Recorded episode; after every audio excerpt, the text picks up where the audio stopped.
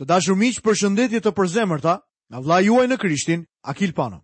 Ju uroj mirëseardhjen në emisionin e sotëm, emision në të cilin vazhdojmë studimin tonë në Fjalën e Perëndisë, Biblën.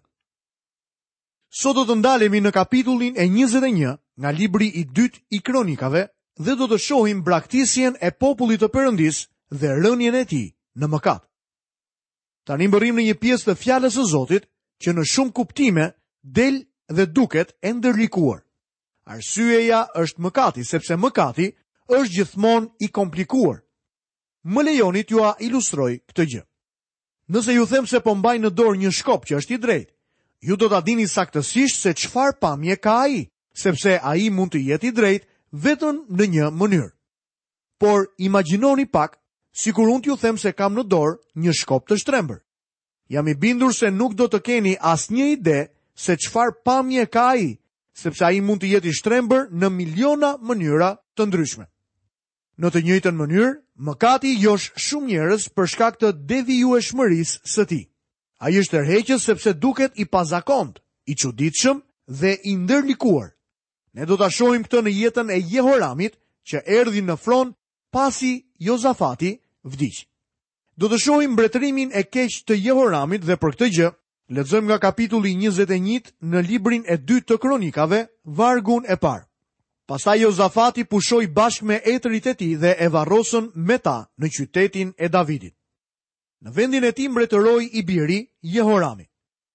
Jehorami ishte djali që kishte marrë nusen në familjen e Ashabit dhe Jezebelit.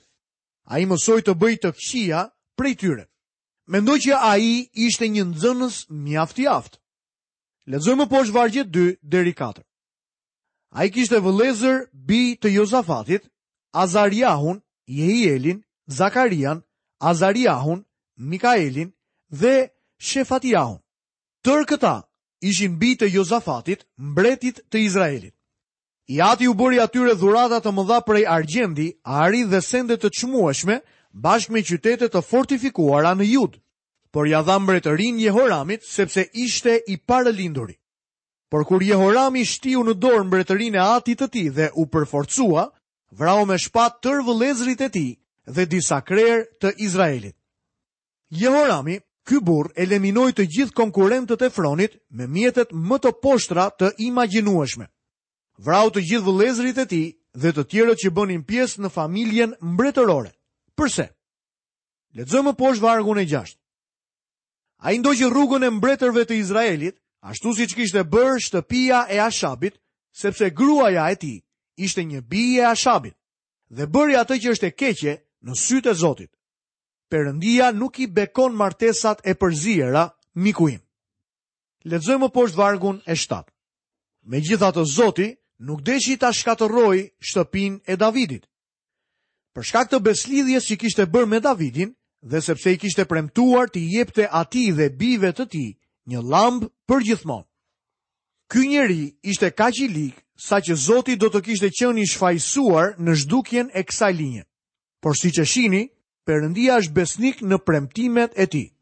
Ai nuk e shkatërroi linjën e Davidit, sepse kishte bërë një besëlidhje me Davidin. Tani shohim se gjykimi fillon të bjerë menjëherë mbi të. Lexojmë vargjet 8 deri 10. Gjatë ditëve të mbretërisë së tij, Edomi ngriti krye kundër pushtetit të Judës dhe zgjodhi një mbret. Atëherë Jehorami u nis me komandantët e tij dhe me të gjitha qerret e tij.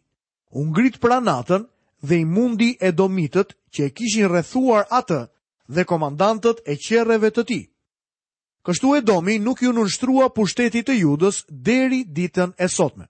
Në atë kohë, edhe Libnahu ngriti krye kundër pushtetit të tij, sepse Jehorami kishte braktisur Zotin, Perëndinë e etërve të tij. Perëndia na thotë mjaft qartë se pse erdhi ky gjykim mbi Jehoramin. Fjala thotë se ky gjykim ishte nga dora e Zotit. Ai nuk mund të kishte paqe, sepse kishte braktisur Zotin e etërve të tij. Bëhem disi i paduruar kur dëgjoj disa njerëz që thonë se Bibla nuk mëson gjykimin e Zotit mbi mëkatin. Ajo çfarë duan të thonë është se nuk e besojnë Biblën. Është puna e tyre të besojnë çfarë të duan. Por kur përpiqen të më thonë se Bibla nuk e mëson gjykimin e Zotit kur është e qartë si e zeza mbi të bardhë, sigurisht që do t'i kundërshtoj. Zoti thotë se ai e gjykon mëkatin dhe shumë prej nesh mund ta dëshmojnë këtë fakt në vetë jetët tona. Lexojmë poshtë në vargun e 11. Edhe Jehorami ndërtoi vende të larta në malet e Judës, i shtyu banorët e Jeruzalemit në rrugën e kurvërimit dhe largoi Judën. Ai në fakt i shtyu njerëzit në idhujtari, nga e cila ati i tij Jozafati i kishte çliruar. Nëse mbani mend në emisionet e kaluara, kemi folur për mënyrën e jashtëzakonshme që Perëndia përdori Jozafatin si një mbret i cili e çliroi popullin e Zotit nga idhujtaria. Tani do të shohim së bashku mesazhin e Elias. Tani Perëndia thërret një mik të vjetër, të cilin ndoshta mund ta keni harruar. Ky është njeriu që Zoti zgjidhte gjithmonë për të dhënë një mesazh të vështirë. Ai ishte njeriu i duhur për të bërë këtë punë. E kam fjalën për Elian. Lexojmë poshtë në vargun e 12. Atëherë i erdhi një shkrim nga profeti Elia, në të cilën thuhej: Kështu i thotë Zoti, Perëndia i Davidit, atit tënd. Meqë nuk ke ndjekur rrugën e Jozafatit, atit tënd, dhe rrugët e Asas, mbretit të Judës. Në fakt përpara se ta vazhdojmë pjesën tjetër të shkrimit, na duhet të themi që shumë njerëz flasin për Elian si për një nga profetët që nuk shkruajti. Ai është quajtur një nga profetët që nuk shkruante. Kjo do të thotë që nuk ka asnjë libër në Bibël me emrin e tij ose që të ketë Elian për autor. Gjithsesi, edhe pse Elia, ky profet, nuk shkroi një libër, Elia shkroi një mesazh. Dhe kur e shkroi këtë mesazh, ai e firmosi letrën e tij. Ai filloi duke cituar arsyen për këtë mesazh të ashpër. Në mesazhin e tij Elia thotë: Meqë nuk ke ndjekur rrugët e Jozafatit, atit tënd, dhe rrugët e Asas, mbretit të Judës. Tani le të lexojmë pjesën tjetër të mesazhit, duke lexuar nga vargu i 13 deri në vargun e 15. Por ke ndjekur rrugët e mbretërve të Izraelit dhe ke shtyrë në rrugën e kurvërimit Judën dhe banorët e Jeruzalemit, ashtu siç ka vepruar shtëpia e Ashabit, dhe ke vrarë vëllezërit e tu, familjen e atit tënd që ishin më të mirë se ti, ja, Zoti do të godasë me një fatkeqësi të madhe popullin tënd, fëmijët e tu, bashkëshortet e tua dhe gjithçka që ti zotëron. Ti vetë do të goditesh nga sëmundje shumë të rënda, nga një sëmundje e zorrëve që do të të nxjerrë çdo ditë pak e nga pak zorrët. Elia ishte një profet që mund të jepte një mesazh të tillë. Ky ishte vërtet një mesazh i ashpër, por ishte nga Zoti. Ishte mesazhi që Perëndia donte t'i jepte këtij njeriu Jehoramit. Përmbajtja e mesazhit nuk është e pazakontë. Është ai lloj mesazhi që ne të gjithë presim të dëgjojmë nga Elia. Gjithsesi, situatat janë të jashtëzakonshme. Këtu ngrihen tre pyetje: kush, kur dhe ku? Le të shohim së pari pyetjen e parë, kush? Kush është Elia? Mesazhi i drejtohet direkt Jehoramit, birit të Jozafatit. Regjistrimi tek libri i mbretërve na tregon se Elia u transferua në vitin e 18 të Jozafatit. Kjo do të thotë se ai nuk ishte në tokë gjatë mbretërimit të Jehoramit dhe nuk mund ta shkruante këtë profeci. Disa studentë biblikë arrijnë në përfundimin tjetër se ky nuk është Elia, nuk është pra Elia nga Tishbiti, është një Elia tjetër. Kjo më kujton argumentin se nëse Shekspiri i shkroi apo jo fjalët e Shekspirit. Disa besojnë se autori ishte Francis Bacon. Ose dikush tjetër. Mua më pëlqen komenti i Mark Twainit. Ai thotë, Shekspiri nuk e shkroi Shekspirin, por ai u shkrua nga një njeri tjetër me të njëjtin emër. Unë do të thosha se kjo është një përgjigje bindëse edhe në rastin e Elias. Nëse ky person nuk do të kishte qenë Elia nga Tishbiti, atëherë Zoti do të na e kishte thënë. Nuk ka asnjë pengesë të pamundur nëse ti refuzon mbinatyroren. Nëse e bën këtë, atëherë po refuzon jo vetëm këtë, por edhe shumë pjesë të tjera nga Bibla. Miku ynë i vjetër, profeti Elia, e shkroi këtë mesazh. Pyetja e dytë është kur? Kur e shkroi Elia këtë? A e shkroi pas transferimit të tij në qiell? Grotiusi thotë se vula e postës ishte parajsa. Ne mund ta heqim këtë gjë nga mendja si një spekulim të pastër. por ekziston një shpjegim shumë i thjeshtë. Ai e shkroi atë para transferimit të tij. Dikush mund të thotë, por kjo është mbinatyrore. Saktësisht, për këtë dua të them pikërisht. Profecia është diçka mbinatyrore. Një parashikim, projekti në të ardhmen sjell profecinë. Ne kemi shumë raste të kësaj. Isaia foli për carin e Persisë dy shekuj para se ai të lindte. Danieli shkroi për Aleksandrin e Madh. Elizeu predikoi mbretërimin e Hazaelit mbi Sirinë. Profeti Mikea foli për qytetin e vogël të Betlehemit, që ai do të ishte vendi ku do të lindte Mesia. Vetëm Zoti mund të profetizojë kaq saktësisht. Pyetja e fundit është ku? Ku e shkroi profeti Elia këtë profeci? Elia ishte profet i mbretërisë së veriut. Kjo është e vetmja referencë e Elias në librin e Kronikave, sepse libri i Kronikave jep perspektivën e Zotit. A nuk u kënaq Zoti tek ky njeri, tek Elia? Sigurisht që po. Atëherë përse nuk përmendet Elia në këtë libër më me hollësi? Kjo nuk do të thotë që Zoti e la këtë njeri, pra Elian, pas dore, la gjithashtu dhe punën e tij. Perëndia nxorri jashtë të gjithë historinë e Mbretërisë së Veriut. Elia ishte profeti i Mbretërisë së Veriut dhe kjo ishte e vetmja herë kur Elia i foli një mbreti të Mbretërisë së Jugut. Ai nuk i foli asnjëherë Jozafatit për arsyen e thjeshtë se Jozafati ishte një mbret i mirë dhe nuk kishte nevojë për ndonjë nga mesazhet e ashpra të Elias. Tani Jehorami, biri i Jozafatit, kishte ardhur në fron.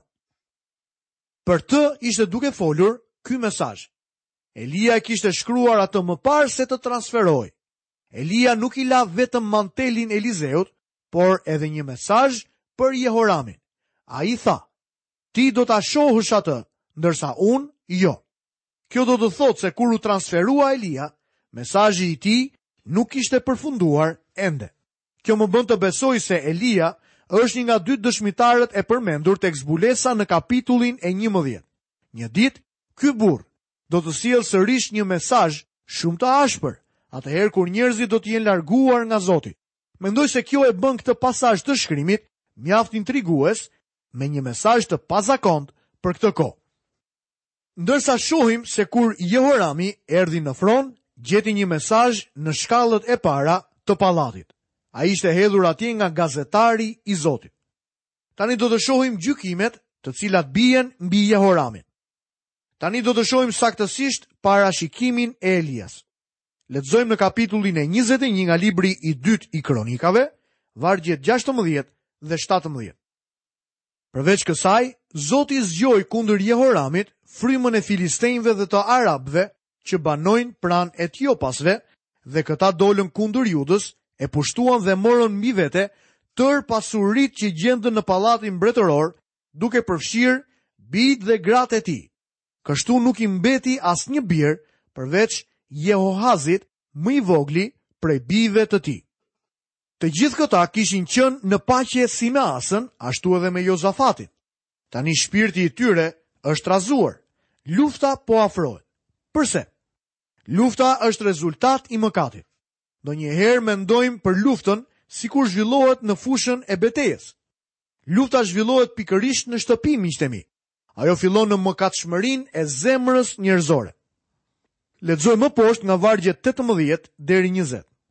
Mbas tërë kësaj, Zoti e goditi në zorrët me një sëmundje të pashërueshme. Kështu me kalimin e kohës në fund të vitit të dytë, nga shkaku i sëmundjes, zorrët i dolën jashtë dhe vdiq duke hequr mundime të tmerrshme. Populli i tij nuk dogji parfume për nder të tij, ashtu siç kishte bërë për etërit e tij. Ai ishte tridhjetë e dy vjeç kur filloi të mbretërojë dhe mbretëroi tetë vjet në Jeruzalem. Iku pa lënë keqardhje e varrosën në Qytetin e Davidit, por jo në varret e mbretërve. Kur ai vdiq, ndodhi diçka e mirë. Vendi ku u varros dhe mungesa e respektit në varrimin e tij Tregojnë se sa shumë urrehej ky njeri. Në kapitujt vijues do të shohim se gruaja e tij ishte gruaja më e urryer që ka mbretëruar ndonjëherë. Tani do të shohim së bashku mbretërimin e keq të Ashaziahut. Lexojmë nga kapitulli 22 i librit të dytë të kronikave, vargun e parë. Banorët e Jeruzalemit shpallën mbret birin e tij më të vogël, Ashaziahun, në vend të tij, sepse tërë bijtë më të mëdhenj ishin vrarë nga banda që kishte hyrë në kamp bashkë me arabët. Kështu mbretëroi Ashaziahu, bir i Jehoramit, mbret i Judës. Emrat duket sikur na hutojnë disi, sepse ndonjëherë emra të ndryshëm janë përdorur për të njëjtin person. Ashaziahu është Jehoazi i cili përmendet në kapitullin e 21 në librin e 2 të kronikave. Ai ishte djali i fundit që kishte mbetur. Të gjithë djemtë e tjerë të Jehoramit ishin vrarë. Lexojmë prej vargjeve dy deri katër. Ashaziahu ishte dyzet e dy vjeç kur filloi të mbretërojë dhe mbretëroi një vit në Jeruzalem. E ëma quhej Atalia, ishte bijë e Omrit. Edhe ai ndoqi rrugët e ndjekura nga shtëpia e Ashabit, sepse e ëma e këshillonte të vepronte në mënyrë të paudhë. Në të vërtetë Ataliahu ishte mbretëresha në fron. Ajo ishte në fuqi mbrapa fronit. Ajo ishte vajza e Ashabit dhe Jezebelit dhe mbesa e Omrit. Ajo nuk hoqi dorë kurrë asnjëherë nga pozita e saj. Kini parasysh se ajo e largoi burrin e saj, Jehoramin nga Zoti. Tani biri i saj, Ashaziahu, e dëgjon dhe bën aleancë me mbretërinë e veriut dhe shtëpinë e Ashabit. gjë që solli shkatërrimin e tij. Drejtësia me hakmarrje do të vijë mbi të. Lexojmë në vargun e pestë. Duke ndjekur këshillën e tyre, ai shkoi me Jehoramin, birin e Ashabit, mbretit të Izraelit të luftojë kundër Hazaelit, mbretit të Sirisë në Ramoth të Galaadit dhe sirët e plagosën Jehoramin. Këtu çështja bëhet sërisht konfuze. Sepse si në mbretërinë e veriut, ashtu edhe në atë të jugut, kishte nga një Jehoram. Duket sikur po flasim sërish për të njëjtin njeri, por Jehorami, mbreti i Judës, kishte vdekur. Biri i tij, Ashaziahu, është mbreti dhe tani ai ka bërë aleancë me Jehoramin, mbretin e Izraelit. Jehorami u plagos në këtë betejë me sirianët. Lexojmë poshtë në vargun e 6. Kështu ai u kthye në Jezreel për të mjekuar plagët që kishte marrë në Rama, duke luftuar kundër Hazaelit, mbretit të Sirisë. Ashaziahu, bir i Jehoramit, mbret i Judës, zbriti për të parë Jehoramin, birin e Ashabit në Jezreel, sepse ky ishte i sëmurë. Lexojmë më poshtë vargun e 7. Vizita që i bëri Ashaziahu Jehoramit ishte vendosur nga Perëndia për shkatërrimin e tij. Kur arriti në të vërtetë, ai doli me Jehoramin kundër Jehut, birit të Nimshit, që Zoti kishte vajosur për të shfarosur shtëpinë e Ashabit. Gjëja interesante ishte se Jehu nuk e dinte që Ashaziau, ky mbret i mbretërisë së jugut, ishte atje. Vini re se çfarë ndodhi. Lexojmë më poshtë vargun e 8. Ndodhi që ndërsa Jehu vendoste drejtësi në shtëpinë e Ashabit, u takua me krerët e Judës dhe me bijtë e vëllezërve të Ashaziahut, që ishin në shërbim të Ashaziahut dhe i vrau. Këta bijë të vëllezërve të Ashaziahut nuk ishin vëllezërit e Ashaziahut sepse u vranë nga plaçkitësit arabë. Por këta ishin bijtë e këtyre vëllezërve dhe nipërit e Ashaziahut. Princat e Judës me siguri ishin të afërm të largët të cilët kishin zyra të rëndësishme në gjykatë. Jehu i vrau të gjithë. Ai iu qep edhe Ashaziahut që ia mbathi, e gjeti dhe e vrau edhe atë. Lexojmë më poshtë në vargun e 9, i cili do të jetë dhe vargu i fundit në studimin për sot. Urdhëroi gjithashtu ta kërkojnë Ashaziahun dhe e kapën. Ai ishte fshehur në Samari. E çuan pastaj tek Jehu që e vrau. Pastaj e varrosën sepse thonin, është bir i Jozafatit që e kërkonte Zotin me gjithë zemër. Kështu në shtëpinë e Ashaziaut nuk mbeti më njeri në gjendje të mbretërojë. Kjo ishte një periudhë gjakatare. Perëndia e regjistron këtë për të na bërë të ditur se ai e gjykon mëkatin. Perëndia dëshiron që ne të dimë që njeriu nuk shpëton pa u gjykuar nëse mëkaton. Sa e ndërlikuar që është në dukje. Ju thashë më sipër që mëkati është i shtrembër dhe i ndërlikuar. Por le ta lavdërojmë Perëndinë, i cili i ka falur mëkatet e të gjithë atyre që kanë ardhur me pendesë përpara kryqit të birit të tij, Jezu Krisht. Të dashur miq, nga vëllai juaj në Krishtin Akil Pano, paçi të gjitha bekimet e Perëndisë dhe paqen e Tij në jetën tuaj. Bashkë mirudëgjofshim në emisionin e ardhshëm.